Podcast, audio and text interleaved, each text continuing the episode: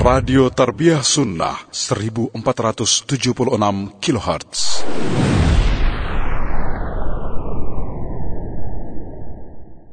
Bismillahirrahmanirrahim. Assalamualaikum warahmatullahi wabarakatuh. Alhamdulillahi rabbil alamin. وبه نستعين على أمور الدنيا والدين والعاقبة للمتقين ولا عدوان إلا على الظالمين. وأشهد أن لا إله إلا الله الملك الحق المبين. وأشهد أن محمدا عبده ورسوله الصادق الوعد الأمين. والصلاة والسلام على أشرف الأنبياء والمرسلين وعلى آله وأصحابه أجمعين ومن تبعهم بإحسان إلى يوم الدين. وبعد. Hadirin jamaah Masjid Agung Al-Ukhwah yang Allah muliakan, para pendengar radio Roja Cilengsi, Roja Palembang, Roja Lampung, Roja Berau, Roja Pontianak, Roja Tanjung Pinang, Roja uh, Surabaya, pendengar Radio Albayan Cianjur, Radio Tarbiyah Sunnah Bandung, Radio Insani Purbalingga, Radio dan TV RBK Kebumen, Radio Satu Lombok, Radio Suara Kolbu Jayapura, Radio Amuba Pangkal Pinang, dan Radio Hidayah Pekanbaru, pemirsa Roja TV di mana saja Anda berada, pemirsa Asil TV di Pekanbaru, pemirsa melalui uh, YouTube ataupun Facebook di mana saja Anda berada dan radio lain serta channel TV lain yang juga ikut menyiarkan kajian kita di sore hari ini. Alhamdulillah kita kembali berjumpa melanjutkan kajian tentang tauhid. Pekan lalu kita sudah membahas dua jenis penyimpangan dari aspek tauhid. Pertama adalah perdukunan, yang kedua tatoyur atau meramal. Kita teruskan. Di antara penyimpangan dalam masalah tauhid adalah at-tanjim atau yang kita sebut dengan sebutan ilmu nujum. Apa yang dimaksud dengan ilmu nujum? Para muhakkikin Para ulama mendefinisikan ilmu nujum dengan al-istidlal bil ahwalil falakiyah alal hawadithil ardiyah. Ka'auqati hubu hububir riyah wa maji'il matar wa zuhuril har wal barad wa taghayyuril as'ar au hudusil amrad awil wafiyat awis su'ud wan nuhus wa hadha ma yusamma bi ilmi ta'thir. Yang dimaksud ilmu nujum adalah mengambil petunjuk dari keadaan bintang untuk meramalkan kejadian yang terjadi di muka bumi. Baik kejadian alam seperti bertiupnya angin, seperti turunnya hujan, seperti dingin atau panasnya cuaca, ataupun fenomena sosial atau ekonomi, seperti perubahan harga-harga harga sembako atau harga yang lain, datangnya wabah penyakit atau kesehatan atau uh, kesialan dan kemujuran. Lawan sial apa? as kemujuran, peruntungan. Beruntung atau naasnya nasib seseorang. Dan ini yang disebut dengan sebutan ilmu takfir. Atau bahasa kitanya ilmu astrologi. Takfir itu maknanya adalah pengaruh keadaan bintang terhadap kejadian yang terjadi di muka bumi. Ilmu taksir ini atau astrologi berbeda dengan astronomi ya. Ilmu astrologi ini ada dua macam. Pertama, ayyadda munajjim annal kawakiba fa'ilatun mukhtarah wa annal hawaditha tajri bi ta'thiriha. Pertama, ahli nujum mengklaim, mengaku, mengatakan bahwa bintang-bintanglah yang menjadi pelaku. Pelaku terhadap perubahan kejadian yang ada di muka bumi. Seluruh peristiwa, fenomena, baik alam ataupun sosial, yang terjadi di muka bumi itu karena pengaruh bintang.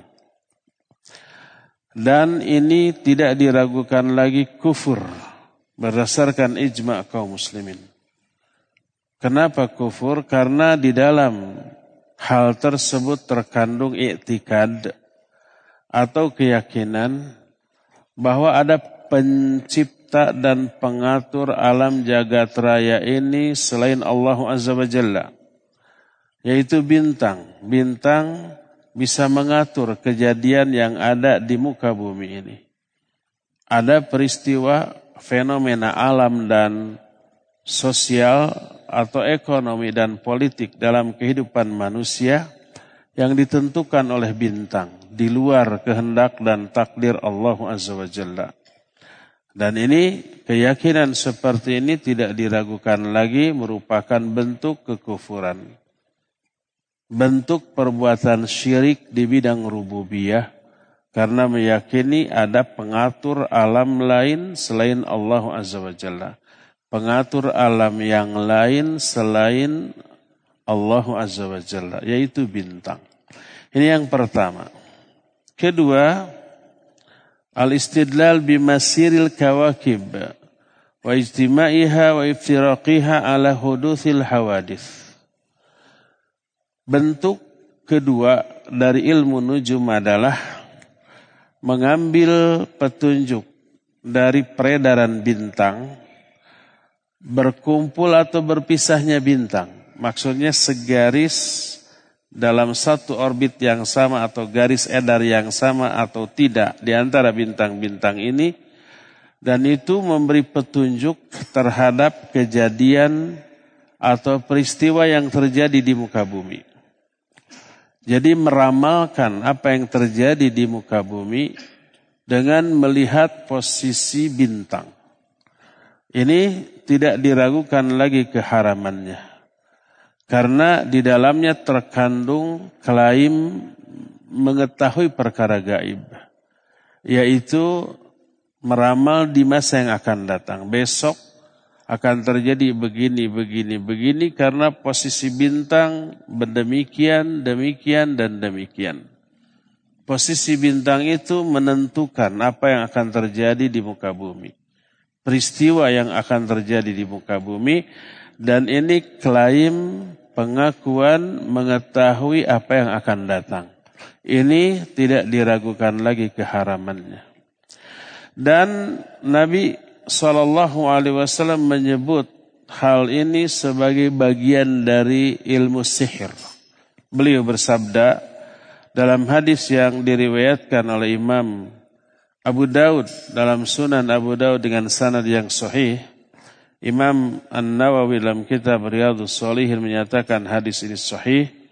Demikian juga Az-Zahabi dalam kitab Al-Kabair menyatakan hadis ini sahih bahwa Nabi sallallahu alaihi wa alihi wasallam bersabda man iqtabasa syu'batan minan nujum faqad iqtabasa syu'batan minas sihr zada mazad Siapa orang yang mempelajari satu cabang dari ilmu perbintangan. Ilmu nujum berarti dia sudah mempelajari satu cabang dari ilmu sihir. Zada mazad. bertambahlah dosa dari hal itu sesuai dengan pertambahan ilmu dia tentang nujum tersebut. Hadis ini riwayat Imam Abu Daud, Imam Ibnu Majah, Imam Ahmad dan yang lain-lain dengan sanad yang sahih. Jadi hadis ini menerangkan bahwa mempelajari ilmu nujum, ilmu perbintangan, itu berarti mempelajari satu cabang dari ilmu sihir dan tidak diragukan lagi sihir ini terlarang haram menurut Al-Quran, menurut sunnah Nabi SAW dan ijma kaum muslimin. Allah berfirman dalam Al-Quran surah Al-Baqarah 102 tentang apa yang dijelaskan tentang sihir bahwa mereka mempelajari sihir ini dari dua malaikat yang sengaja Allah utus sebagai ujian. Malaikat itu ketika akan mengajarkan sihir mengingatkan dulu innama nahnu fitnatun fala takfur. Kami ini hanya fitnah. Kami ini hanya ujian bagi kalian fala takfur. Jangan kalian kufur dengan mempelajari ilmu sihir ini. Sudah kita terangkan ijtanibu asab al-mubiqat. Jauhi oleh kalian tujuh perkara yang membinasakan. Pertama, al-isyraku billah, syirik kepada Allah. Yang kedua, sihir. Oleh karena itulah tak diragukan lagi bahwa sihir itu sesuatu yang diharamkan.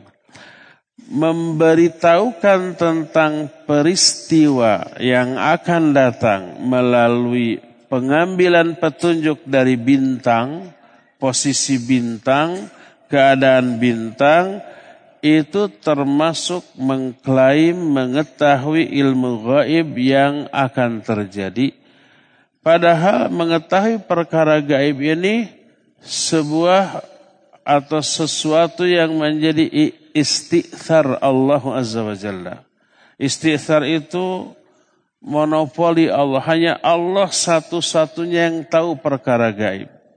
Selain Allah tidak. Allah berfirman, Alimul ghaibi, fala yudhiru ala ghaibihi ahadan, illa man irtada min rasulin. Alimul ghaibi. Allah lah yang maha mengetahui perkara yang gaib. Terus Allah menyatakan wala yudhiru ala ghaibihi ahada. Allah tidak beritahukan perkara gaib yang dia ketahui ini kepada siapa pun kecuali kepada rasul yang diridhoinya. Baik rasul dari kalangan para malaikat seperti Jibril ataupun rasul dari kalangan manusia seperti para nabi dan para rasul, iya, mereka diberitahu sebagian dari ilmu gaib. Selain itu tidak, hanya Allah yang tahu. Fala yudhiru ala ghaibihi ahada. Allah tidak memberitahukan perkara gaib ini kepada siapa pun kecuali kepada rasul yang diridhoi. Jadi mengetahui yang gaib adalah istighfar Allah monopoli Allah. Satu-satunya Allah yang tahu. Siapa orang yang mengklaim, mengaku-ngaku mengetahui perkara yang gaib. Di antaranya apa yang akan terjadi di masa yang akan datang, berarti dia mengklaim sebagai sekutu bagi Allah, tandingan bagi Allah dalam perkara yang hanya khusus diketahui oleh Allah Azza wa Jalla atau minimal membenarkan orang yang mengaku-ngaku demikian. Tidak diragukan lagi ini adalah penyimpangan besar dari tauhid karena di dalamnya mengandung pengakuan atau klaim yang batil.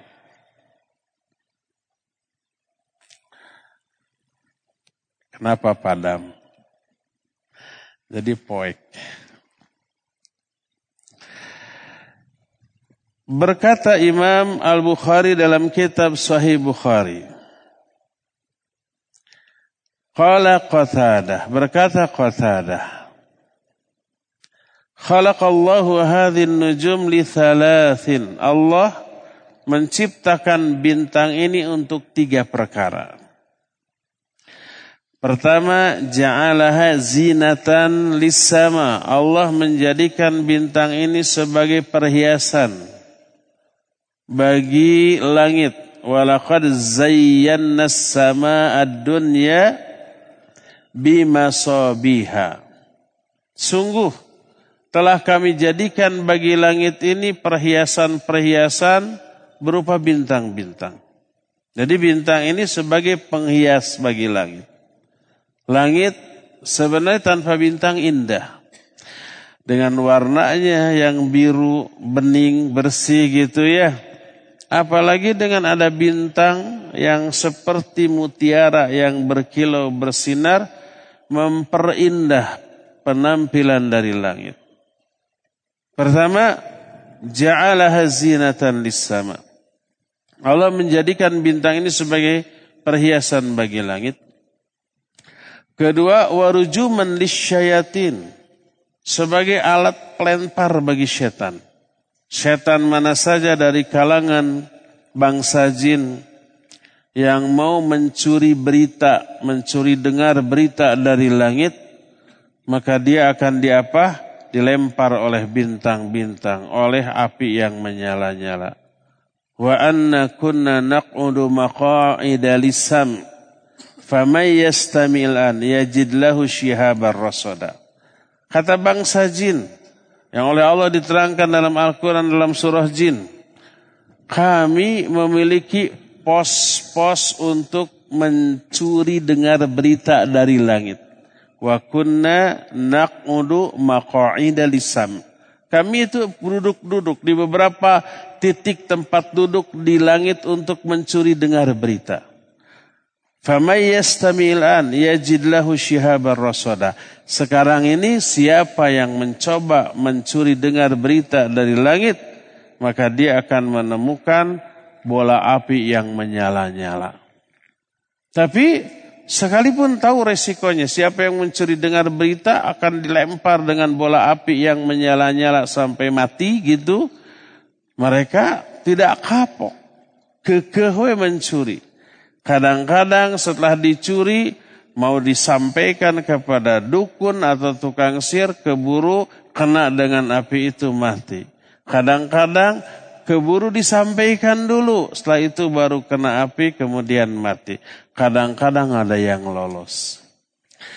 Berdasarkan hal itulah maka fungsi kedua dari bintang sebagai alat pelempar setan, yang ketiga wa alamatin yuhtada biha. Sebagai tanda yang dipakai sebagai petunjuk bagi manusia.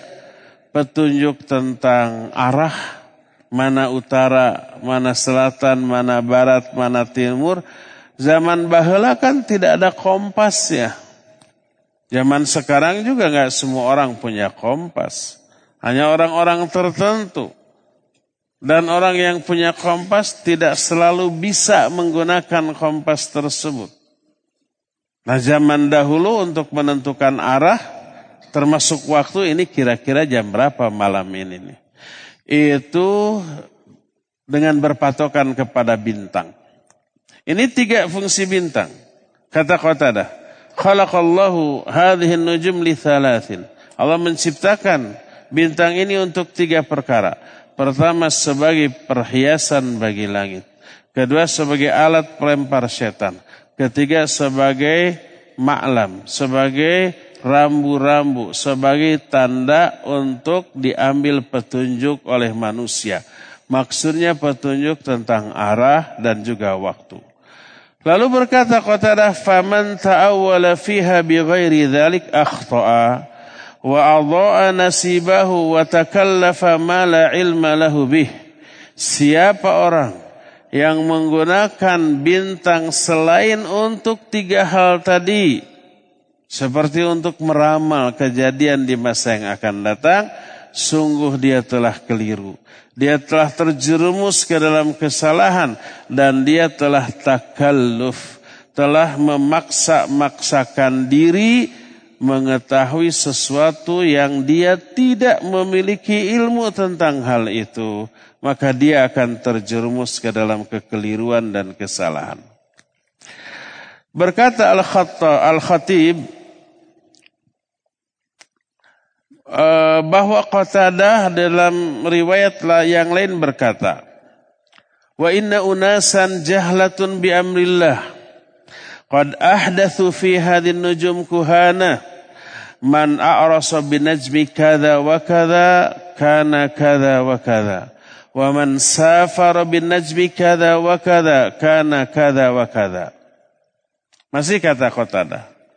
Banyak orang bodoh tentang syariat Allah. Mereka mengada-adakan ilmu perdukunan melalui bintang. Lalu mereka meramal dengan hal itu. Siapa orang yang menikah pada bintang anu, maka akan terjadi demikian, demikian, dan demikian. Siapa yang safar, bepergian untuk apa pun di dalam posisi bintang anu, maka akan kejadian begini, begini, begini. Lalu bintangnya itu mereka tetapkan waktunya di bulan-bulan tertentu. Dari tanggal tertentu di bulan itu sampai tanggal tertentu di bulan lainnya. Maka itu disebut bintang anu. Bintang anu lahirlah ilmu zodiak, ramalan bintang. Maka ini yang kemudian dijadikan patokan untuk meramalkan nasib manusia di masa yang akan datang. Siapa orang yang bin, eh, lahirnya di tanggal anu bulan anu berarti bintangnya anu. Bintangnya anu tidak boleh menikah dengan bintang ini. Siapa bintang ini menikah dengan bintang itu anaknya akan begini begini begini. Ada nggak ramalan seperti itu? Iya ada. Dan itu termasuk di antara bin, uh, perdukunan ilmu tentang perdukunan ramalan yang hanya dilakukan oleh para dukun. Padahal realita betapa banyaknya orang yang menurut ramalan bintang akan naas, akan sial, ternyata dalam kehidupannya sampai akhir hayatnya beruntung. Dan betapa banyaknya orang yang menurut ramalan bintang akan beruntung, kenyataannya ternyata mengalami kesialan. Banyak.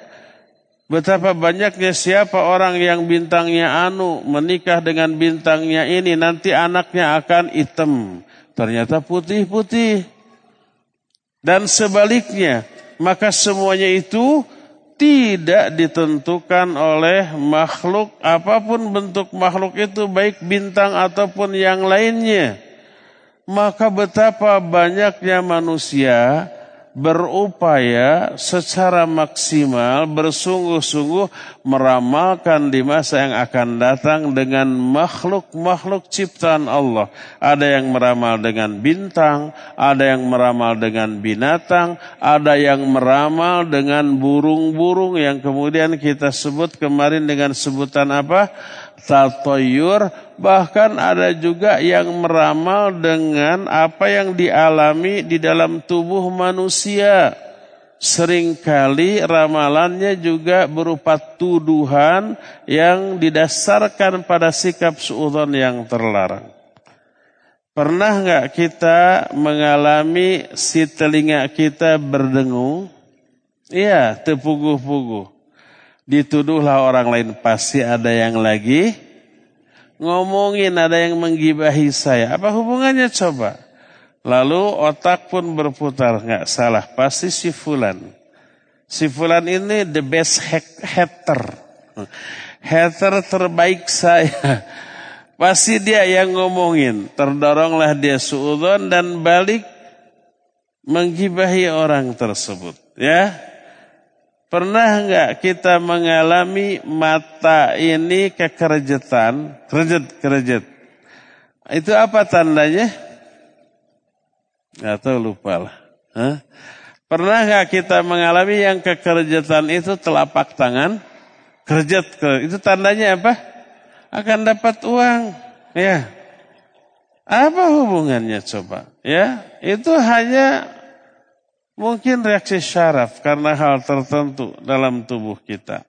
Dan realitanya sering kali saya menerima uang tanpa kekerjetan. Ya, dan pernah kekerjetan, nggak pernah dapat uang karena hal tersebut gitu ya. Tapi orang mempercayainya. Jadi untuk meramal, orang melakukan berbagai macam cara yang tidak ada hubungan dan tidak memiliki alasan logis. Tidak ada alasan syar'i, tidak ada alasan hissi. Alasan syar'inya keterangan dari Allah dan Rasulnya.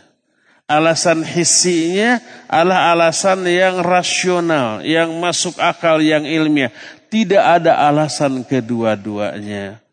Coba apa hubungannya ketika masuk kupu-kupu si rama-rama, maka diramalkan akan datang tamu. Apa hubungannya? Nggak ada alasan-alasan rasionalnya.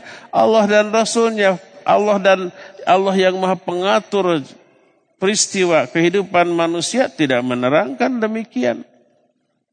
Tapi itu diyakini oleh manusia sebagai sesuatu yang diyakini akan terjadi. Ya, seandainya ada seseorang yang layak pantas mengetahui perkara gaib yang akan datang, niscaya orang tersebut adalah Adam alaihi salatu wassalam.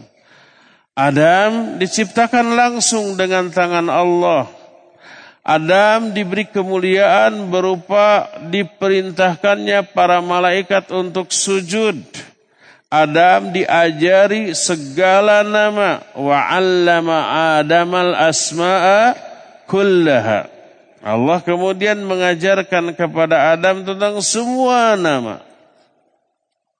Semua keutamaan Adam itu tidak Allah berikan kepada nabi-nabi lain termasuk Nabi Muhammad sallallahu alaihi wasallam. Nabi Muhammad tidak di, diciptakan langsung dengan tangan Allah tapi melalui proses yang normal dikandung oleh seorang ibu dan berayah Normal kandungannya, normal lahirnya, normal hidupnya, semuanya normal. Nabi Muhammad SAW oleh Allah, para malaikat tidak disuruh untuk sujud untuk menghormat Nabi Ali Wasallam tidak. Adam memiliki keutamaan ini, tapi Adam pun tidak mengetahui perkara yang gaib. Berkata Syaikhul Al-Fauzan hafizahullah, "Wa minal khurafatil batilah ma yurawiju dajjalun fi ba'di suhuf wal majallat min dhikril bukhat wan nuhus was su'ud wa yu'alliquna dhalika bihisabati buruj wal, wal nujum." Di antara khurafat yang batil adalah provokasi. Uh, tarwij, tarwij itu hal yang menakut-nakuti yang dilakukan oleh para dajjal kecil. Di koran-koran, di majalah-majalah, sekarang di internet-internet. Yang menyebutkan ramalan peruntungan tentang sial atau untungnya sesuatu. Meramalkan nasib akan sial atau akan beruntung dan dikaitkan dengan perhitungan posisi bintang-bintang di langit. Dan ini banyak yang mempercayainya. Berkata Syekh Abdurrahman bin Hasan dalam kitab Fathul Majid Syarah Kitab Tauhid. Fa'in kila al-munajjim qad yasduku.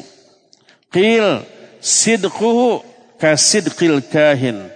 Yasduqu fi kalimat wa yakdhibu fi mi'at. Sidquhu laisa an ilmin bal qad yuwafiqu qadara fayakunu fitnatan fi haqqi man saddaqahu kalau ada orang yang berkata, bukankah peramal kadang-kadang benar?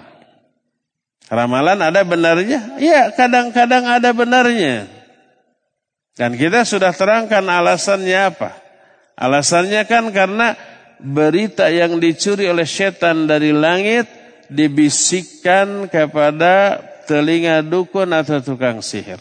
Besok akan kejadian begini. Satu kata yang benar dibumbui ratusan kata-kata dusta. Jadi kadang ada benarnya ramalan itu. Iya. Kalau begitu boleh dong. Nah itu kan alasannya begitu.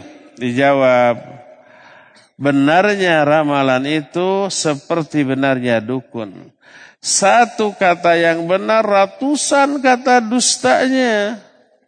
Dan kebenaran ramalan itu bukan didasarkan pada ilmu, tapi hanya berbetulan kebetulan sesuai dengan takdir Allah yang Allah telah ucapkan di langit kepada para malaikat. Oleh para malaikat kemudian diperbincangkan di sesama mereka. Kadang-kadang diperbincangkan oleh para malaikat yang ada di awan terdengar oleh setan dari kalangan bangsa jin. Itu benarnya, satu kata yang benar. Ratusan kata-kata dustanya, maka ini menjadi fitnah dalam diri orang yang mempercayainya dan orang yang dipercayainya. Tanpa disadari, walaupun dalam satu ramalan benar, dia telah terjerumus dalam ratusan kedustaan yang melahirkan dosa. Umpamanya begini nih. Besok si fulan akan dapat uang 10 juta. Umpamanya begitu tuh. Sudah diperbincangkan oleh para malaikat di langit karena Allah berfirman demikian. Kulla yaumin huwa fi sya'an. Setiap hari Allah itu sibuk Maknanya setiap hari Allah menetapkan takdir untuk hari esok. Takdir hari esok ini yang Allah tetapkan ini menginduk kepada takdir sanawi. Takdir sanawi itu takdir yang Allah tetapkan di setiap tahun. Dan itu terjadi kapan? Di malam Lailatul Qadar.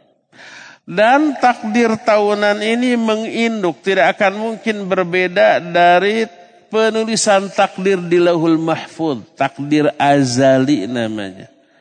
Dan itu telah ditetapkan 50 ribu tahun sebelum Allah Azza wa Jalla menciptakan langit dan bumi. Jadi penulisan takdir ini sudah kita terangkan ada lima macam ya termasuk takdir azali, termasuk takdir umri, termasuk takdir sanawi, dan termasuk takdir yaumi. Semuanya selaras penulisan takdir ini. Tidak mungkin berbeda satu sama lain. Nah, apa yang terjadi besok Allah terangkan eh, disampaikan kepada para malaikat di langit. Salah satunya umpama umpama si fulan di kota Bandung besok akan dapat uang satu juta. Eh 10 tadi ya? 10 juta. Terdengar oleh bangsa jin, oleh setan dari bangsa jin. Cepat-cepat dibisikkan kepada telinga si dukun. Kadang-kadang sebelum dibisikkan dia sudah mati terkena lemparan api. Kadang-kadang lolos. Nah ketika membisikkan itu ke tukang sihir atau ke si dukun satu kata benar si fulan besok akan dapat uang 10 juta, ratusan bumbu-bumbu dustanya. Asal harus anu, harus anu, harus anu. Ada syarat-syaratnya. Disampaikan tak ke dukun. Selain disampaikan ke dukun, si setan datang ke si fulan. Dibisikkan ke dalam hatinya. Tanpa terdengar suara di telinga itu yang disebut dengan was-was. Kalau kamu besok mau dapat uang 10 juta, datang tuh ke dukun itu. Dukun lepus. Dukun sakti mandraguna, dukun weruh sadurung winara. Saya nggak tahu artinya itu. Tergoda dia datang ke dukun. Saya itu nasibnya gini-gini aja ya. Gimana nih agar saya agak bisa bernafas gitu dari segi ekonomi hutang di mana-mana debt collector setiap hari datang saya sampai ngumpet-ngumpet di bawah gordeng kaki saya kelihatan nah macam-macam kata dukun kalau kau mau untung siapkan ini ini ini ditetapkan syarat-syarat yang mengakibatkan dia kufur atau syirik minimal maksiat. Akhirnya dilaksanakan benar dapat uang 10 juta. Padahal tanpa kedukun, tanpa ini dan itu pun dia akan dapat karena Allah telah mentakdirkan demikian. Tuh gitu tuh. Rekayasa setan dari kalangan bangsa jin. Terus berkata Syekh Abdurrahman bin Hasan, "Wa qad ja'atil ahadits 'anin Nabi sallallahu alaihi wasallam bi ibtali ilmin tanjim ka qawlihi man iktasaba man iktabasa syu'batan minan nujum faqad iktabasa syu'batan minas sahar minas sihr zada mazad." Padahal ada datang hadis-hadis yang banyak dari Nabi SAW yang menganggap batil terhadap ilmu nujum. Salah satunya adalah Sabda beliau, siapa yang mempelajari satu cabang dari ilmu nujum, berarti dia telah mempelajari satu cabang dari ilmu sihir. Bertambahlah sesuai dengan pertambahan ilmunya. Bertambah durhaka, dosa, dan gedelah dosanya sesuai dengan pertambahan ilmu tentang yang dia pelajari. Ya, Dan ini pula sesuatu yang termasuk paling dikhawatirkan oleh Nabi Sallallahu Alaihi Wasallam akan terjadi di tengah umatnya. Beliau bersabda dalam salah satu hadis, Inna mimma akhafu ala ummati atasdiqu bin nujum wa takdzibu bil qadar wa haiful a'immah Kata Nabi Ali Shallallahu Wasallam, sesungguhnya di antara perkara yang aku khawatir akan menimpa umatku ada tiga. Pertama atas bin nujum membenarkan ramalan bintang. Kira-kira apa yang di, dikhawatirkan oleh Nabi ini sudah terjadi apa belum? Sudah sejak ratusan tahun yang lalu. Dan sekarang tambah merajalela. Kalau dulu agak mending ya, untuk pergi ke dukun itu agak susah. Pertama, harus berjalan jauh. Kedua, medannya juga agak berat, padang pasir, ya, panas. Ketiga harus bayar.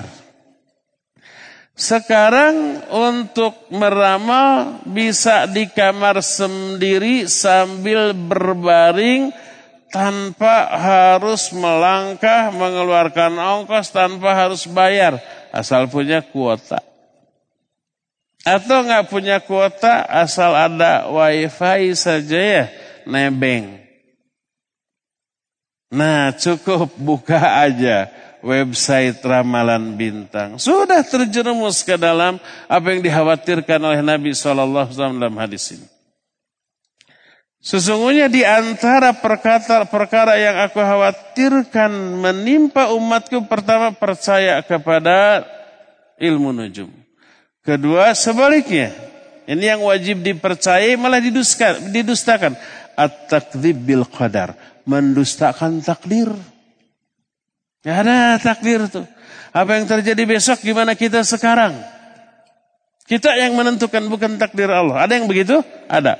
Atau dengan kalimat lain yang disamarkan takdir Allah besok tuh gimana kita sekarang. Allah memberi alternatif banyak takdir. Kalau kamu begini, takdirnya begini. Kalau kamu begitu, takdirnya begitu. Kalau kamu begini dan begitu, takdirnya begini dan begitu.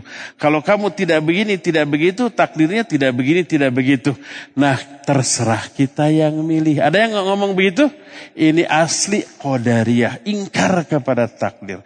Seolah-olah Allah yang Allah tidak menentukan orang ini akan melangkah ke mana, tapi dia sendiri yang menentukan. Ya, ini bertolak belakang dengan ayat 50 ribu tahun sebelum langit dan bumi ini ada. Takdir tentang apa yang dialami, dijalani oleh manusia sudah Allah tetapkan. Allah berfirman dalam surah Al-Hadid Dua-dua dan dua-tiga Allah menyatakan ma asaba min musibatin fil ardi wala fi anfusikum illa fi kitabim min qabli an nabra'aha. Wa dzalika 'ala Allah yasir.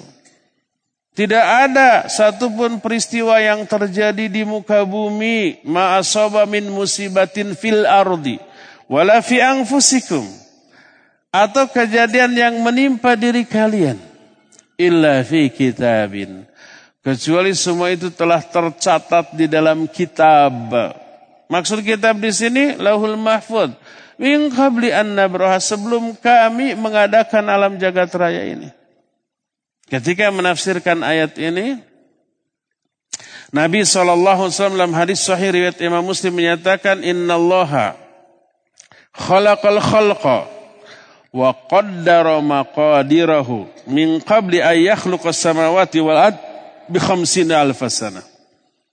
Allah telah menciptakan makhluk dan Allah telah menetapkan takdir-takdir setiap makhluk 50 ribu tahun sebelum Allah menciptakan langit dan bumi. Jadi takdir dulu atau peristiwa dulu? Takdir dulu baru peristiwa. Termasuk keinginan kita akan melangkah ke mana itu sesuatu yang Allah takdirkan. Terus seharang sahabat bertanya wa ala ayil amal terus amal kita ini berdasarkan apa? Maka dijawab beliau menyatakan ala mawaqi'il qadar. Maka amal kita didasarkan kepada mawakil qadar terhadap garis takdir yang telah Allah tetapkan dan tidak mungkin menyimpang dari hal itu. Nah, ini termasuk sesuatu yang wajib diyakini. Dan termasuk salah satu di antara rukun iman yang ditekankan. Penekanan Nabi Shallallahu Alaihi Wasallam terhadap iman kepada takdir ini mengisyaratkan suatu saat di kalangan umatnya ada yang meragukan atau ada yang mendustakan. Coba lihat ketika Nabi ditanya oleh malaikat Jibril, "Fakhbirni anil iman." Terangkan kepada saya tentang iman. Dijawab oleh Nabi alaihi salatu wasallam. Al-iman antuk minabillah wa malaikatihi wa kutubi wa rusuli wal yaumil akhir wa an tu'mina bil qadari khairihi wa syarrih. Iman adalah kamu beriman kepada Allah, kepada para malaikat, kepada kitab-kitabnya, kepada rasulnya, kepada hari akhir. Ketika menerangkan lima ini cukup dengan mengatakan antu billahi wa malaikatihi wa rusulih. Iman, kamu iman kepada Allah, para malaikatnya, dan seterusnya. Tapi pas akan menerangkan iman kepada takdir, Rasul mengulang lagi wa antu'mina bil qadari wa khairi bil qadari khairihi wa syarih dan kamu beriman kepada takdirnya baik yang baiknya ataupun yang buruk. Diulang tuh imannya dan pengulanganlah takkid menguatkan Seolah-olah beliau mengisyaratkan kalau orang beriman kepada Allah, malaikat, kepada kitab, kepada rasul, kepada akhir, ini orang akan meragu terhadap hal ini. Satu paket, tapi ketika takdir banyak orang yang akan meragukan bahkan mendustakan. Maka beliau di mengulang, wa antu minabil khadari khairihi wa syarri. Kamu beriman kepada takdir Allah, baik yang baiknya maupun yang buruknya. Makanya karena ini rukun iman yang ditekankan, salah satu yang beliau khawatirkan akan menimpa umatnya adalah mendustakan takdir. Beliau menyatakan, Inna mima akhafu ala ummati. Sesungguhnya di antara perkara yang aku khawatirkan akan menimpa umatku. Pertama tasdik bin nujum. Yang kedua takdzib bil qadar percaya kepada ramalan bintang tapi mendustakan takdir terbalik. Dan yang ketiga wahaiful a'immah. Haiful a'immah itu kelaliman para imam, para pemimpin. Lalim, zalim. Pemimpin bukan mensejahterakan rakyat tapi menyengsarakan rakyat memberatkan rakyat, mendustakan atau um, menipu rakyat, melakukan kebohongan publik kepada rakyat, memanipulasi. Itu yang dikhawatirkan oleh Nabi Shallallahu Alaihi Wasallam. Kira-kira tiga poin yang dikhawatirkan oleh Nabi alaihissalatu wassalam akan menimpa umatnya ini sudah terjadi belum sekarang tiga-tiganya? Ya sudah. Orang percaya kepada ramalan bintang banyak. Orang mendustakan takdir banyak baik sebagian ataupun seluruhnya. Dan ada nggak pemimpin penguasa yang memiliki power tapi jahat kepada rakyatnya, menyengsarakan, menipu dan yang sejenisnya sudah ada? Kenapa diam kayak nggak berani? Sudah ada? Sudah banyak. Di mana? Di negeri orang. Kita adalah orang. Hadis ini diriwayatkan oleh Abdun bin Humaid dan Imam Jaldin As-Suyuti menukil hadis dalam kitab tafsirnya Darul Mansur. Itulah ilmu nujum yang terlarang meramalkan sesuatu di masa yang akan datang berdasarkan posisi bintang. Sampai kepada urusan harga, sampai kepada urusan apa nasib manusia. Dan itu yang terlarang. Wa ammal istidlal bin nujum li ma'rifatil ittijah fil asfar fil bari wal bahr fahadha la. Wahwa min ni'matillah. Adapun mengambil petunjuk dari bintang untuk menentukan atau mengetahui arah ketika safar. Untuk mengetahui juga waktu ketika safar baik di daratan ataupun di lautan maka ini dibolehkan. Ini tidak terlarang. Dan ini termasuk salah satu di antara nikmat Allah Azza wa Jalla. Para nelayan ketika berada di lautan mereka mengetahui arah. Apa ini ke tengah laut atau ke daratan? Barat atau timur? Jam berapa kira-kira? Apa udah lewat tengah malam, sepertiga malam, dua pertiga malam? Mereka ketahui itu dari apa? Dari bintang. Maka ini boleh. Karena Allah mengisyaratkan ini dalam Al-Quran. Dalam surah Al-An'am 97. Wa huwa alladhi ja'ala lakumun nujum litahtadu biha fi dhulumatil, fi dhulumatil bari wal bahr. Dialah Allah yang telah menjadikan bintang-bintang bagi kalian agar kalian mengambil petunjuk dengan bintang-bintang itu di tengah kegelapan di daratan dan di lautan. Makna ayat ini adalah ayatitarifu biha jihata qasdikum.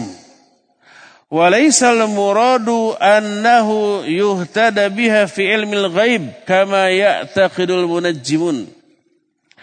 Makna ayat ini Allah menjadikan bintang agar kamu bisa mengambil petunjuk dari bintang itu. Artinya menjadikan bintang sebagai patokan untuk menentukan arah perjalanan kalian.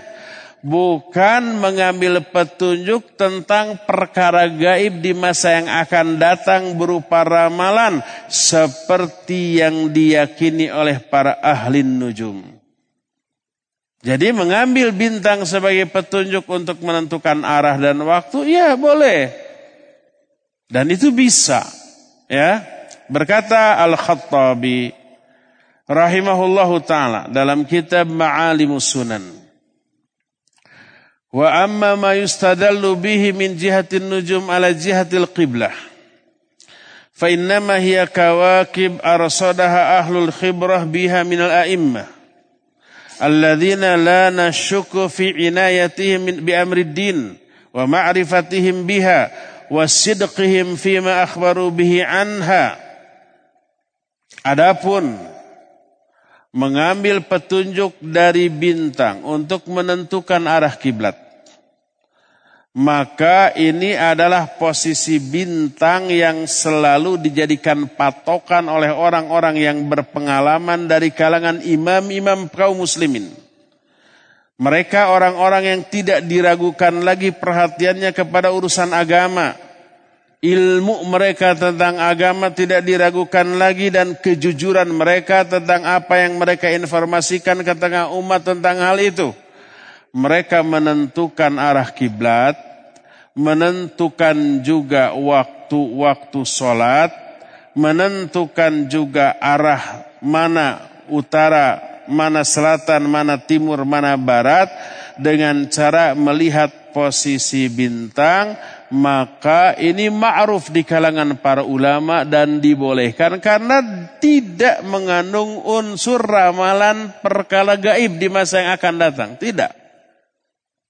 Berkata Imam Ibn Rajab Al-Hambali rahimahullahu ta'ala. Kata Imam Ibn Rajab, wal ma'dhunu fi ta'allumihi ilmu taisir la ilmu ta'thir. Fa ilmu ta'thir batilun muharramun qaliluhu wa kathiruhu. Wa amma ilmu taysir fayuta'allamu ma yahtaju ilaihi min al-ihtida wa ma'rifatil qiblah wa turuq wa huwa jaizun indal jumhur. Adapun yang diizinkan untuk dipelajari adalah ilmu taisir bukan ilmu ta'thir. Ilmu taisir itu ilmu astronomi. Itu ilmiah atau ramalan? Ilmiah perhitungan yang eksak. Adapun ilmu takdir disebutnya ilmu astrologi. Maknanya takdir itu apa yang terjadi di muka bumi, fenomena, kejadian baik alam, sosial, ekonomi, politik dipengaruhi oleh posisi bintang. Itu takdir, itu astrologi. Bukan astronomi. Di ITB ada jurusan astronomi? Ada. Rasional apa tidak? Ya rasional. Di ITB ada jurusan astrologi? Tidak ada. Tidak menjadikan bintang sebagai patokan untuk meramal kejadian yang akan datang di antara kejadian-kejadian sosial, ekonomi, dan politik.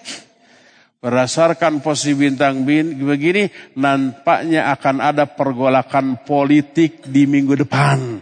Ada yang begitu? Itu bukan astronomi, itu astrologi. Disebut ilmu taksir. Ilmu taksir. Bukan ilmu taisir. Ilmu taisir, ilmu astronomi. Ilmu taksir, ilmu astrologi. Adapun yang diizinkan dipelajari secara syar'i adalah ilmu taisir, ilmu astronomi boleh. Bukan ilmu takfir, karena ilmu takfir batil. Diharamkan mempelajarinya baik sedikit ataupun banyak. Adapun ilmu taisir, ilmu astronomi dipelajari untuk mengetahui arah kiblat, jalan, waktu, dan arah dan itu dibolehkan menurut jumhur ulama.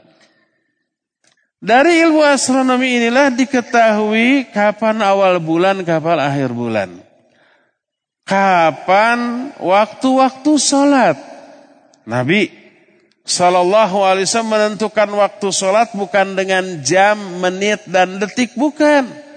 Tapi dengan petunjuk posisi matahari yang terlihat efeknya kepada bayangan manusia. Ketika umpama menentukan waktu zuhur, beliau menyatakan bila bayangan kita ada tepat di bawah telapak kaki kita. Itu zuhur. Kemudian zawal sedikit masuk waktu zuhur. Zawal tuh bergeser sedikit. Adapun waktu asar bila bayangan sebuah benda sama panjangnya dengan tinggi benda itu. Adapun maghrib ketika matahari tenggelam dan sudah muncul syafak merah, mega merah, lembayung. Dan ketika syafak merah itu sudah hilang, itu tiba waktunya sholat isya. Nabi hanya memberikan petunjuk itu. Adapun jamnya, menitnya, detiknya, beliau tidak menerangkan karena jam, menit, dan detik pasti berbeda di setiap di setiap tempat ya enggak berbeda. Nah, untuk mengetahui jam berapa itu? Karena di setiap bulan kan matahari bergeser ke utara dan ke selatan kan gitu ya. Makanya waktu waktu sholat juga di setiap bulan berbeda-beda. Maghrib tidak selalu jam 6 pas, kadang-kadang jam 6 kurang, kadang-kadang jam 6 lebih, kadang-kadang setengah 6, kadang-kadang hampir setengah 7 kan gitu ya. Waktu sholat kadang-kadang setengah lima, sekarang setengah lima lebih, kadang-kadang jam empat, kadang-kadang jam empat kurang. Sholat subuh pernah? Iya. Itu posisi apa? Matahari. Dan juga bulan. Untuk menentukan jamnya, menitnya, detiknya dibutuhkan perhitungan. Menurut ilmu astronomi. Ya itu dibutuhkan. Boleh mempelajari ilmu astronomi. Yang tidak boleh adalah mempelajari ilmu astrologi karena di dalamnya terkandung ramalan, meramalkan kejadian di masa yang akan datang, esok, lusa, minggu depan dan seterusnya berdasarkan posisi bintang. Makanya berkata Al-Imam Ibn Rajab wa kadzalika ta'allumu manazil asy-syams wal qamar li istidlali bidzalika 'ala al-qiblah wa awqatis salawat wal wa zawal. Demikian juga dibolehkan mempelajari posisi-posisi matahari dan bulan untuk diambil petunjuk untuk mengetahui arah kiblat dan waktu-waktu sholat.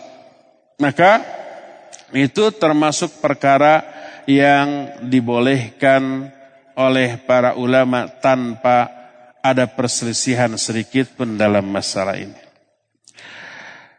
Berkata Imam Ibnul Munzir dari Mujahid, "Annahu kana la yara ba'san ay yata'allama ar-rajul manazil al-qamar." Kata Mujahid, beliau memandang tidak apa-apa seseorang mempelajari posisi-posisi bulan.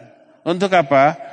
menetapkan waktu-waktu sholat. Termasuk kapan awal setiap bulan di bulan Komariah. Masih perkataan Imam Ibn Munzir. Wa.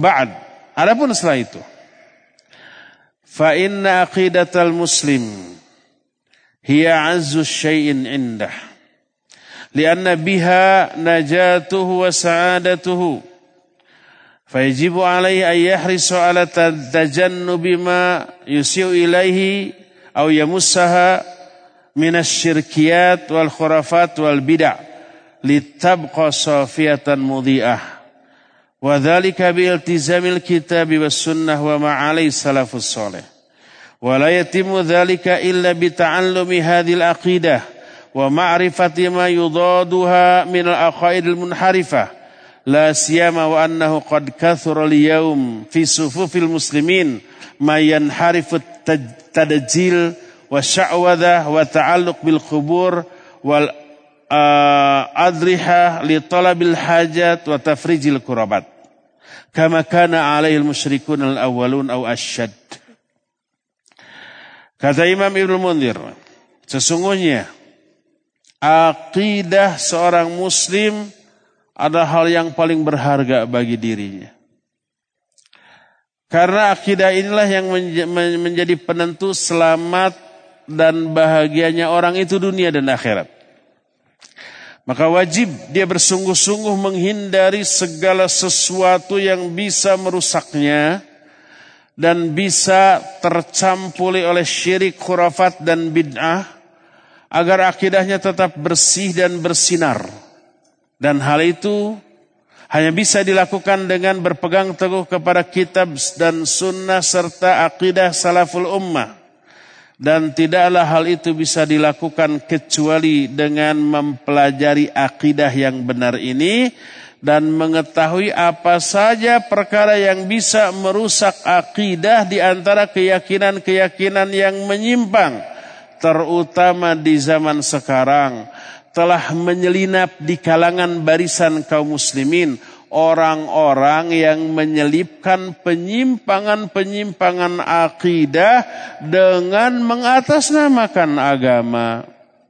Adanya perdukunan, adanya ramalan, adanya permintaan doa yang ditujukan kepada kuburan-kuburan orang-orang soleh, agar dipenuhi semua kebutuhannya, agar dilepaskan seluruh kesulitannya, persis seperti apa yang dilakukan oleh orang-orang musyrik sebelum datangnya Islam.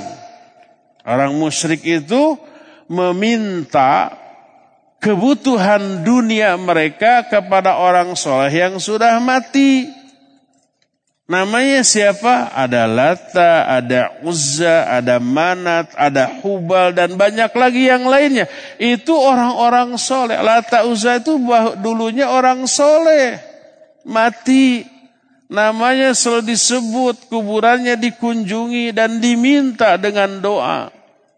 Di dalam doa-doa mereka. Itulah yang dilakukan oleh orang-orang musyrik pada zaman dahulu. Menyelinap menyelinap ke barisan kaum muslimin dan dianggap perbuatan syirik tersebut sebagai bagian yang penting dari agama ini. Orang yang melakukannya meyakini sebagai sebuah ibadah. Para itu yang merusak akidah dan tauhid dan itu banyak tersebar di setiap waktu, setiap tempat dan setiap generasi. Hanya ilmu yang benar tentang akidah inilah yang bisa memfilter semuanya itu dari keyakinan kita. Pelajari akidah, pelajari juga apa yang bisa merusak akidah, maka insya Allah kita akan selamat. Kita tidak akan lagi tertipu dengan orang yang berkedok ustadz padahal dia dukun, orang yang berkedok kiai padahal dia peramal, orang yang berkedok umpamanya ajengan akan tetapi dia menjual isim-isim jimat-jimat dan yang sejenisnya, maka orang yang mengetahui ilmu akidah secara benar tidak akan tertipu dengan hal ini. Inilah ilmu nujum yang terlarang yaitu ilmu perbintangan atau astrologi atau ilmu takthir yang isinya meyakini bahwa posisi bintang di atas bisa memberi pengaruh kepada fenomena yang terjadi di alam dunia, baik fenomena alam, fenomena sosial, ekonomi ataupun bahkan politik, semuanya diramalkan berdasarkan posisi bintang. Dan ini termasuk sesuatu yang menyimpang dari tauhid kita. Semoga Allah Azza wa membentengi kita dari hal-hal yang demikian. Wallahu alam bisawab. Cukup materi kita sampai di sini dan kita masih punya sisa waktu untuk bertanya jawab. Kepada Allah Abdul Ghaffar di studio Roja Cilengsi. Dipersilakan untuk memandu tanya jawab dengan pendengar dan pemirsa. Wa sallallahu ala nabina Muhammadin wa ala alihi wa wasallam. Silakan. Alhamdulillah terima kasih atas kajian dan penyampaian materi di kesempatan sore hari ini. Semoga memberikan manfaat untuk kaum muslim, para pendengar maupun pemirsa Roja. Dan berikutnya kita masuk ke, ke selanjutnya jawab. Silakan bagi Anda para pendengar maupun pemirsa. Yang di kesempatan sore hari ini dapat bertanya melalui layan-layan telepon 0218236543 dan juga pertanyaan pesan singkat ke nomor 0819896543. Baik, satu pertanyaan untuk kami bacakan di kesempatan pagi, uh, maksud, kami sore hari ini, mengawali sesi tanya jawab ini. Dari Ummu Muhammad yang bertanya, Ustadz Barakallahu Fik, bukankah surga dan neraka belum ada penghuninya? Lalu bagaimana tentang hadis bahwa di setiap malam bulan Ramadan ada orang-orang yang dibebaskan dari api neraka? Mohon bagaimana tentang penjelasannya? Barakallahu fikum. Iya, Ibu Wiwin Barokallahu Fik bertanya, bukankah surga neraka belum ada penghuni? Kalau penghuni dari manusia yang sekarang hidup di dunia, iya belum. Tapi penghuni berupa bidadari surga, wildan-wildan, ya sudah ada. Ya. Adapun manusia yang pernah hidup termasuk para nabi alaihi wassalatu wassalam sekarang belum Allah tempatkan di surga. Nanti setelah kiamat baru. Dan orang yang pertama kali mengetuk pintu surga adalah Nabi kita Muhammad sallallahu alaihi wasallam. Tapi kenapa ada keterangan bahwa di setiap bulan Ramadan Allah membebaskan beberapa orang dari neraka? Apa maknanya? Ya sudah kita terangkan ketika membahas hal ini di bulan Ramadan. Mungkin nanti juga akan terbahas lagi. Maknanya adalah orang yang dibebaskan dari api neraka, maknanya orang itu diampuni. Dosa-dosanya, karena keagungan bulan Ramadan. Salah satu keistimewaan Ramadan yang tidak dimiliki oleh bulan lain adalah setiap malam Allah mengampuni dosa-dosa. Orang itu kalau tidak diampuni mati dalam keadaan itu akan ke neraka tuh. Karena banyaknya dosa. Tapi malam itu diampuni sehingga terbebas dari api neraka. Makna dibebaskan dari api neraka adalah diampuninya dosa-dosa yang menjadi penyebab orang itu masuk neraka. Diampuni, dihapus sehingga terbebaslah dia dari api neraka dan itu keunggulan dari bulan Ramadan dibanding bulan-bulan yang lainnya. Wallahu a'lam bishawab. Silakan lagi Abdul Ghaffar. Masih connect? Putus? Putus. Kalau putus kita buka aja pertanyaan di sini ya. Apa yang dimaksud silaturahmi memanjangkan umur, sedekah memanjangkan rizki, dalam hubungannya dengan takdir Allah, apakah takdir Allah bisa berubah dengan dua hal tersebut? Pertanyaan yang bagus. Hadis sahih riwayat Imam Muslim menyatakan, "Man ahabba ayun fi athari wa ayub sata fi rizki." Man ahabba ayub sata fi rizki wa ayun fi athari falyasil rahimah. Siapa orang yang ingin diluaskan rizkinya dan dipanjangkan umurnya, adalah dia menyambung silaturahmi. Jadi silaturahmi ini bisa memperpanjang umur dan memperluas rizki. Timbul pertanyaan, bukankah rizki dan umur itu sudah ditetapkan? Jawabnya iya. Sejak di lauhul mahfuz 50 ribu tahun sebelum langit dan bumi ada. Orangnya belum lahir, jangankan orangnya. Langit buminya juga belum ada.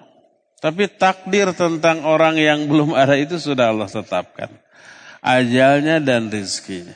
Terus diperkuat dengan takdir umri. Kalau tadi takdir azali, 50 ribu tahun sebelum langit dan bumi diciptakan. Diperkuat dengan takdir umri. Takdir umri itu takdir seumur hidup. Ketika janin di dalam perut ibu berusia 4 tahun, eh 4 tahun. Empat bulan, lama amat dikandungnya. Empat bulan, Allah mengutus malaikat dicatatkan empat hal.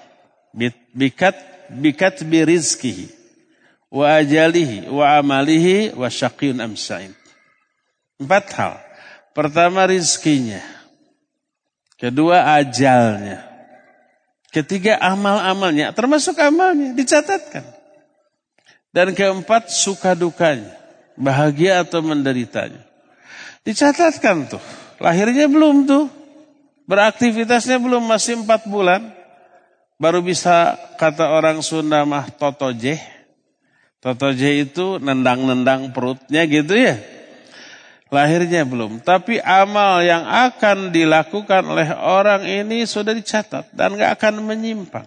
Amal kita sekarang ngumpul di sini ketika antum semua empat bulan di kandungan ibu masing-masing sudah dicatat. Saya begini dengan tangan begini, Tidak begini, tapi begini. Udah lewat. Itu sudah dicatat. Ketika saya empat bulan di perut ibu saya zaman dahulu. Ya, tidak bertambah umur, tidak bertambah rizki dari apa yang ditakdirkan. Lalu kenapa ada hadis? Siapa orang yang ingin dipanjang, diingin diluaskan rizki dan dipanjangkan umur, hendaklah menjalin silaturahmi. Pertama ada dua makna yang diterangkan oleh para ulama. Ya, makna pertama makna majazi, kiasan. Yang dimaksud panjang umur artinya umurnya barokah. Umurnya tetap sekian tahun, umpama 60 tahun. Tapi selama 60 tahun karena silaturahmi umurnya barokah, penuh kebaikan, penuh kebaikan, jauh dari keburukan. Selama umur segitu tuh pahala kebaikan yang dia lakukan, yang dia peroleh dan jauh dari dosa dan noda. Maka orang itu disebut dengan sebutan panjang umur karena umur seseorang adalah waktu hidup yang dia isi dengan kebaikan. Itu yang disebut dengan umur. Panjang umur artinya waktu hidupnya lebih banyak diisi dengan apa? Kebaikan sehingga barokah. Demikian juga rizki. Rizkinya tetap sekian. Total jenderal dari mulai lahir sampai dia mati nanti total umpamanya 100 miliar. Gedenya. Tapi kan seumur hidup. Tetap segitu nggak nambah nggak kurang. Cuma barokah. Mana barokah? Kathratul khair. Manfaat bagi dirinya, bagi orang lain, bagi dunianya, bagi akhiratnya. Hartanya banyak infak, banyak sodakah, banyak dipakai menolong orang, me me melakukan kebaikan. Dan itu jadi tabungan di akhirat. Jariah yang mengalir paharnya terus menerus. Rizkinya tetap sekian, tapi lebih barokah. Ini makna pertama, makna majazi. Kedua, makna hakiki, makna yang sebenarnya. Yang dimaksud dengan rizkinya diluaskan, benar-benar rizkinya ditambah karena silaturahmi. Dan yang dimaksud dengan umurnya bertambah, benar umurnya bertambah karena silaturahmi. Tadinya mestinya 40 tahun, kalau enggak silaturahmi. Tapi karena silaturahmi jadi 50 tahun. Itu maknanya hakiki. Tapi bukankah sudah ditetapkan tidak bertambah dan tidak berkurang? Bukankah ini bertolak belakang dengan takdir azali dan takdir umri? Dijawab oleh para ulama, tidak. Karena ketika Allah memerintahkan malaikat untuk mencatatkan tentang empat poin tadi ketika orang itu masih empat bulan di kandungan ibunya, catat tentang umurnya. Kalau dia silaturahmi kasih umur 70 tahun. Kalau dia tidak silaturahmi kasih umur 40 tahun. Kalau silaturahminya sedikit kasih 45 tahun. Kalau silaturahminya agak banyak kasih 45 50 tahun. Begitu dicatatkan. Allah tahu orang ini nanti akan silaturahmi atau tidak. Berapa usianya Allah tahu. Tapi malaikat mencatatkan seluruh alternatif yang terjadi berkaitan dengan silaturahmi. Demikian juga tentang rizkinya. Jadi bertambahnya umur, berkurangnya umur itu maknanya real hakiki. Dan ini pernah terjadi pada diri seorang manusia namanya Adam alaihi salatu wassalam. Adam ingin mengetahui usia dirinya dan usia umatnya. Ternyata usia dirinya seribu tahun. Diperlihatkan usia umatnya di antara Nabi Daud hanya 60 tahun. Lalu Adam alaihi salatu wassalam meminta kepada ya Allah berikan jatah 40 tahun usiaku kepada Daud. Sehingga Daud yang harusnya 60 tahun menjadi berapa? 100 tahun. Adam yang harusnya 1000 tahun menjadi 900 berapa? 60 tahun. 1000 eh kurangi 40 atuhnya. 960 tahun. Ketika usia 960 tahun Adam didatangi malakul maut dicabut mau dicabut nyawanya. Kata Adam, kan jatah saya 1000 tahun. Sekarang masih 950 900 60 tahun ada 40 tahun lagi loh. Fanasya Adam wa nasya dzurriyyatuhu. Kata Nabi SAW. Adam lupa, maka lupa pula lah anak turunannya. Kita suka lupa enggak? Suka turunan tuh. Adam lupa bahwa dulu pernah dia berikan jatah 40 tahun ke Daud. Lalu dibongkar, dibuka. Kamu pernah hibahkan usiamu 40 tahun kepada Daud. Akhirnya dia menyadari dan kemudian pasrah. Ini hakiki. Dikurangi umurnya dan Daud ditambah umurnya dengan makna yang hakiki. Ya, Itulah yang diterangkan oleh para ulama tentang hadis itu wallahu alam bisawab. Ustaz, apa tafsir dari ayat Quran surah Ar-Ra'du ayat 11? Allah tidak akan merubah suatu kaum sampai kaum tersebut merubah diri sendiri. Apa ayat tersebut hanya berkaitan dengan Allah atau berhubungan dengan keduniaan saja? Syukran. Ayat ini sering disalahkan dalam menerjemahkannya, salah pula dalam memahaminya. Ar-Ra'du ayat 11 itu menyatakan innallaha la yughayyiru ma biqaumin hatta yughayyiru ma bianfusihim. Lalu diterjemahkan Allah tidak akan merubah nasib suatu kaum sampai kaum itu merubah nasibnya sendiri. Itu terjemahan yang keliru, salah. Makanya pemahaman juga salah. Dari mana datangnya nasib dalam ayat tadi nggak ada. Coba terjemahkan kata per kata.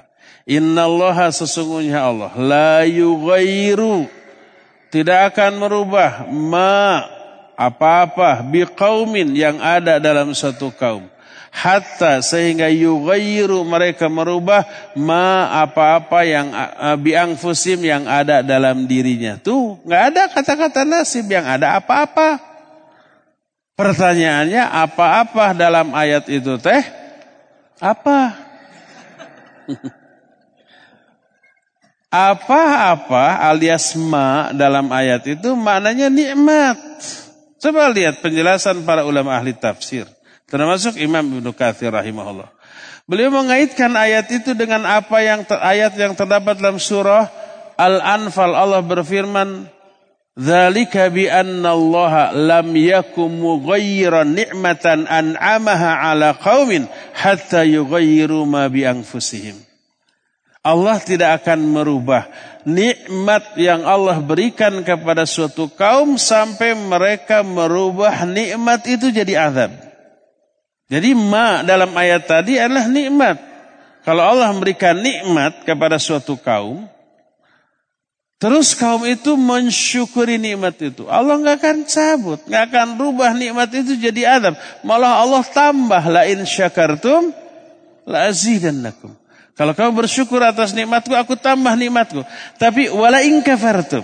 Kalau kamu kufur, tidak syukur kepada nikmat itu, inna azabila syadid azabku sangat pedih. Aku akan rubah nikmat itu menjadi azab. Nikmat itu dicabut, Allah ganti dengan azab. Itu yang dimaksud innallaha la yughayyiru ma biqaumin. Allah tidak akan merubah apa-apa yang terdapat dalam suatu kaum, maknanya tidak akan merubah nikmat yang telah Allah berikan kepada suatu kaum hatta yughayyiru ma bi anfusihim sampai mereka merubah nikmat itu menjadi azab dengan cara tidak disyukuri. Ayat itu tidak bertolak belakang dengan takdir. Tidak sama sekali. Tidak berbicara tentang takdir. Tapi itu berbicara tentang dirubahnya nikmat menjadi azab karena tidak di apa? Tidak disyukuri oleh orang yang memperoleh nikmat tersebut. Allahu a'lam.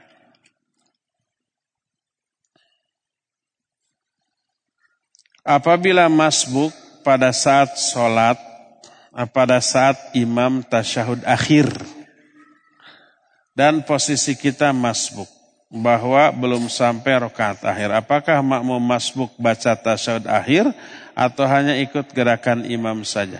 Ikuti bacaan uh, yang dibaca di posisi seperti itu.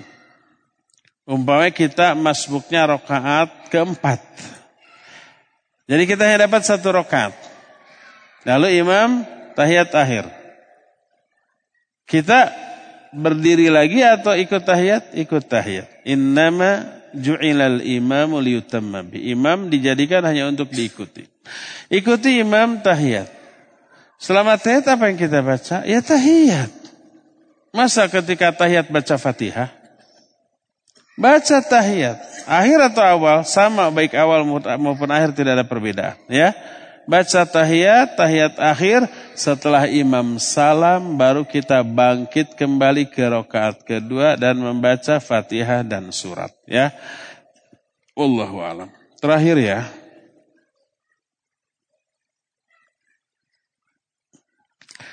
Ustadz benarkah statement ini? Jika orang rajin sholat, masih sering melakukan perbuatan keji dan munkar. Bisa jadi sholat-sholat yang telah dilakukan tidak benar atau tidak diterima. Ya ini benar. Kalau sholat seseorang tidak mencegah dia dari perbuatan keji dan munkar, mengindikasikan sholatnya mardud tertolak. Ayat dan hadis penjelasan para ulama menerangkan itu. Allah berfirman, Inna salata tanha anil fahsyai wal munkar. Salat, ini maksudnya salat yang diterima, bisa mencegah dari perbuatan keji dan munkar. Ketika orang salat, di luar salatnya dia masih tetap keji dan munkar, Allah azab, Allah ancam dia dengan azab fawailul lil musallin. Celaka orang yang sholat. Sholat gimana? Alladzina hum an sholatihim son. Bukan fi sholatihim son, tapi an. Orang yang lalai an, bukan fi. Ma, perbedaannya kalau fi di dalam sholat, kalau an, seusai sholat. Dia lalai seusai sholat dari tujuan utama sholat. Tujuan utama sholat tanha anil fahsyai wal munkar. Setelah sholat dia masih keji, masih munkar. Kena dengan ayat ini alladzina hum an sholatihim sahun. Dia kena wail. Dan sholatnya mardud tertolak. Berkata Imam Ibn Rajab Al-Hambali rahimahullah. Man amila, qala ba'du salaf. Beliau menukil ucapan generasi salafus soleh.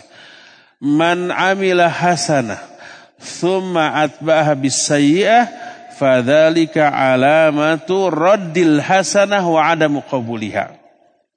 Siapa orang yang melakukan satu kebaikan, satu ibadah, satu amal soleh, lalu diikuti dengan perbuatan yang salah, keji atau munkar atau dosa, maka perbuatan keji dan mungkar itu, dosa itu menjadi tanda ditolaknya amal ibadah tadi dan tidak diterima oleh Allah subhanahu wa ta'ala.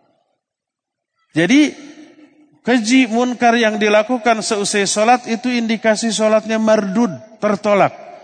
Seusai sholat, beres sholat, langsung ngariung, langsung gibah. Itu menunjukkan sholatnya tadi ditolak.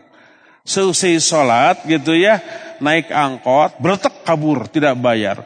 Kaburnya dia dari naik angkot itu menjadi indikasi sholat yang tadi ditolak oleh Allah. Karena itu dosa dan keburukan. Seusai sholat keluar, ngeluarin sesuatu dari kantong cekes, pelenyun. Itu indikasi sholat tadi ditolak oleh Allah Azza wa Jalla. Cekes pelenyun itu baik, eh buruk apa jelek itu? Buruk dan jelek. Nggak ada kebaikan sama sekali. Buruk dan jelek untuk siapa? Untuk diri sendiri dan untuk orang lain. Dan keburukannya itu permanen. Rokoknya cuma ada lima menit nggak? Tergantung kalau penyot terus menit habisnya. Beres sudah. Keburukannya masih. Nikotinnya bersarang di paru-parunya. Nikotinnya nempel di bajunya, di ininya, di apa namanya, di wajahnya. Ah, kalau merokoknya di hadapan orang lain, nempel di baju orang lain, jadi baunya. Setelah beres ngerokok langsung sholat. Allahu Akbar. Kita ada di pinggirnya. Kecium nggak? Kecium. Jadi si nikotin yang nempel di badannya kecium, ketarik, kesedot oleh kita. Dolim nggak orang? Super dolim. Pulang ke rumahnya. Nafasnya menghembuskan nikotin. Udara di dalam rumahnya penuh bakteri dan nikotin dari mulutnya nempel di dinding, nempel di gordeng. Kemudian nikotin yang ada di sini anaknya, eh papa, dipeluk. Kemudian kehisap soleh anaknya. Zalim gak itu orang? Zalim, ngerokoknya udah sejam dua jam yang lalu. Efek buruknya masih. Udara yang penuh nikotin di rumahnya disedot oleh anaknya, oleh istrinya. Maka masuk, terkontaminasi itu. Ya, zalim apa tidak tuh? Super zalim. Tidak hanya ke diri sendiri, ke keluarga, ke orang lain. Stop rokok. Kezolimannya itu permanen ke, ke setiap orang yang dekat dengan dirinya. Dan itu indikasi tidak diterimanya ibadah atau sholat dia di mata Allah Azza wa Jalla. Sayang ya, ibadah-ibadah kita mardud hanya karena kita tidak berani dan tidak mampu menghentikan perbuatan keji dan munkar berupa merokok tadi ya. Wallahu alam. Cukup sampai di sini insyaallah kita lanjut di hari Jumat yang akan datang. Subhanakallahum bihamdik asyhadu an la ilaha illa anta astaghfiruka wa atubu ilaik walhamdulillahirabbil alamin. Wassalamualaikum warahmatullahi wabarakatuh. Radio Tarbiyah Sunnah 1476 kHz.